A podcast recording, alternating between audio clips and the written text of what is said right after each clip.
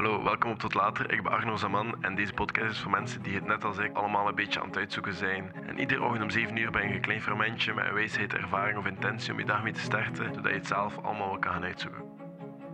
Oké, goedemorgen. Ik eh, heb net een stukje gelezen over je tien, pa allee, je tien jaren plan eh, behalen in de next zes maanden.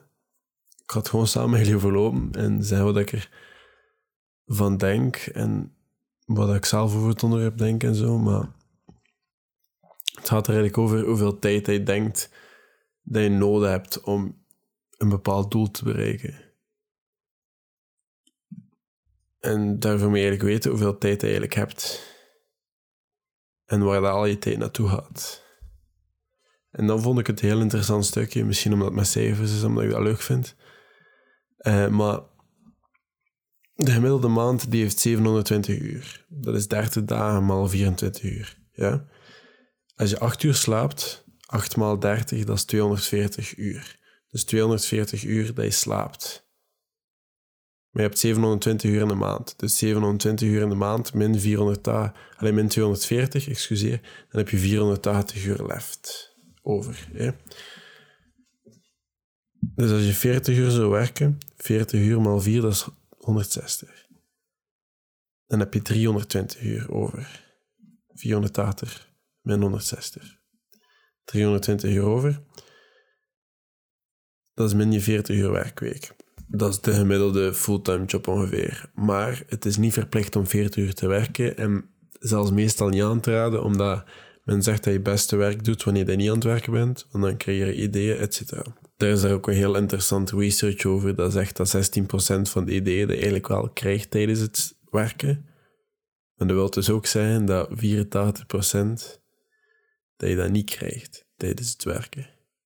Dus dat je dat vooral krijgt als je niet aan het werken bent. En ik vond dat heel interessant om een keer te weten. Maar dan, we even verder rekenen. Het is niet heel tijd rekenen, dus no worries. Maar je spendeert twee uur om te eten, zo gezegd. Twee uur maal 30, dat is 60 uur. Dat wil zeggen dat je nog 280 uur over hebt. Wat doe je met die 280 uur?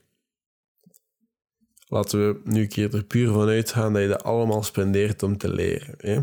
280 uur om te luisteren naar audiobooks. Dat wil zeggen dat je 45 boeken luistert. Tenzij dat je dat op speed luistert, maal 2. Maal 2 is vaak te snel. Alleen voor veel boeken. Pakt 1,5.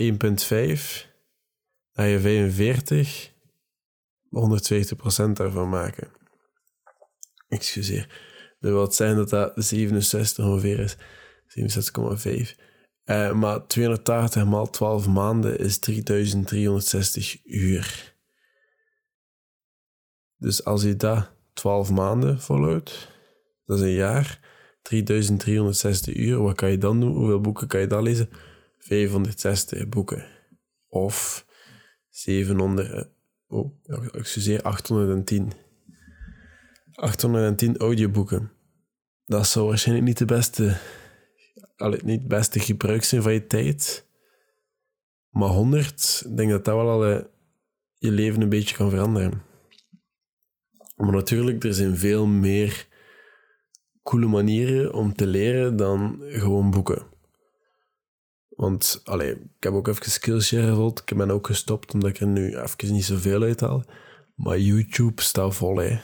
YouTube staat vol en blogs. Deze podcast, het idee komt bijvoorbeeld ook van een blog.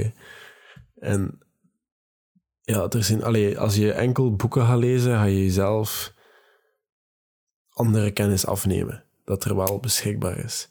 Dus stop niet enkel bij boeken. En dat bedoel ik, wat doe je dan wel met die 280 uur? En er is een heel bekende quote: Until we can manage time. Um, until we can manage time, we can manage nothing else. Ik weet wel niet van wie dat is. En dan was de, de blog een beetje hard, hoe dat terecht is. En misschien veel mensen waaronder ik vandaag misschien ook een keer moest horen. En dat zegt dat je moet leren toegeven dat je problemen hebt. Want we leven allemaal in ontkenning en we hebben allemaal problemen, zeker in deze maatschappij. We zijn allemaal verslaafd aan iets. Je kan niet iets veranderen waar je niet van bewust bent. Dat gaat niet. Want dan heb je nu de nood omdat je zogezegd in zes maanden tijd je tien jaar plan wil doen. Dus nu heb je nood aan jezelf onderwijzen, je hebt nood aan ervaring, je hebt nood aan accountability naar jezelf en naar andere mensen. Maar de oplossing daarvoor is misschien zelfs simpel. Als je je proces bijhoudt, of je moet iets reporten uiteindelijk, dan ga je er zeer bewust van worden wat je doet. En het is zelfs nog beter als je zelfs een onmiddellijk gevolg hebt als je iets niet doet. Want dan ga je meer en meer dingen gaan doen. En dat is wat ik een beetje probeer met die to-do-lijsten, met die challenges, omdat je dan ook gewoon, als je het niet doet, dan val je terug naar dag één of opnieuw. En daarom moet ik de 75 hard daar hoe, en daarom ben ik er ook nog altijd mee bezig. Maar ik heb een beetje nog wat consequenties nodig voor de rest ook. Of gewoon, ik moet echt gewoon leren beter time managen. Maar daarvoor maak ik deze podcast, zodat we het samen kunnen uitzoeken en dat we er beter worden. Want blijkbaar gaan we ons tien jaar plan in zes maanden halen. Zeg. Maar hier is wat dat de blog zegt dat je moet doen. Je moet zeggen tegen jezelf dat je probleem hebt. Je moet eerlijk zijn dat je een probleem hebt. Je moet informatie gaan zoeken bij andere mensen. En je, je moet accountable worden. En je moet een omgeving maken waar je in kan veranderen. En je moet investeren in meer gezonde alternatieven en oplossingen. Vrij simpele oplossingen, maar hoe ga je dat dan doen, denk ik dan? Maar ja, waar ga je tijd nu naartoe? Als we eerlijk zijn, dan heb je geen idee waar dat naartoe gaat. Dat is omdat je veel meer onderbewust bent in de dingen die je doet. Maar er is wel een goed voorbeeld van, want er is research. Ik heb dat uit een ander boek um, How to Break Up With Your Phone. Er is research die aanduidt dat je meer dan 100 keer per dag je gsm oppakt. Alleen de gemiddelde mens. Dat is heel veel, hè. En ik vraag me dan echt af, hoeveel of wanneer is de laatste keer dat jij met een doel op je gsm zat, iets hebt opgezocht en enkel dat hebt gedaan en niet even hebt gescrollt op social media terwijl. Van mij persoonlijk is dat wel al even geleden. Maar dus ja, wij zijn heel goed in triggers opnemen, want al die technologie en we zijn heel goed in onszelf afleiden en dat is heel hard om heel present te zijn en ons bezig te houden met de dingen die we moeten. Zeker in deze tijd. Maar dat ga je moeten veranderen blijkbaar als je je tienjarige plan wilt doen in de next zes maanden. Ze zeggen wel wat het beter is, is dat niet doen. Dus geen social media, omdat dat een low use is van je time. En is het dan veel beter moeten rusten en spelen. Daar is ook super veel research naar, dat we heel veel ideeën creëren of veel meer dingen gebeuren wanneer we aan het spelen zijn. En dat is niet per se een spelletje op je gsm of op social media, dat is, dat niet spelen. Een game waar je volledig in zit, dat is wel spelen. Um, buiten even spikeballen met vrienden of iets anders doen, dat is spelen. Even gaan de klimzaal, dat is spelen. En er is heel veel research dat er zoveel vrijkomt als je speelt. By the way, niet altijd in de klimzaal is een spelletje, maar dat gebeurt wel soms. Maar de gemiddelde persoon die spendeert dus drie tot acht uur op het internet, iedere dag. En hoeveel van die tijd is dus, zoals ik eerder zei, goal-oriented. Dat je echt gaat even iets zoeken en er terug van wegstapt. Dat gebeurt niet meer. Onze gsm is precies zo'n casino. Je stapt erin, oh, daar is er, oh, daar is dat, oh, daar is er, daar is er. En je bent verkocht. Dus dan stelt de blog een paar vragen. Ik ga die zelfs naar jou stellen. Hoe ehm, regelmatig slaap je voor acht uur per dag? Nacht. Het is al even geleden en ik ga vandaag beginnen veranderen, want ik was vandaag heel uitgeput. Ga je naar bed op dezelfde tijdstip en ga je gaan slapen op hetzelfde tijdstip? Dat is persoonlijk iets dat ik voor mezelf ook ga veranderen. En stop je met technologie te gebruiken een uur of een uur en een half voordat je naar bed gaat? Dat is ook een vraag. En wanneer zijn dat je meest jouw meest optimale uren voor creatief werk? Voor de meesten is dat trouwens in de ochtend, de eerste drie uur dat ze wakker zijn, of de laatste drie uur voordat ze gaan slapen. Van mij is alle twee een beetje. Hangt er ook een beetje vanaf.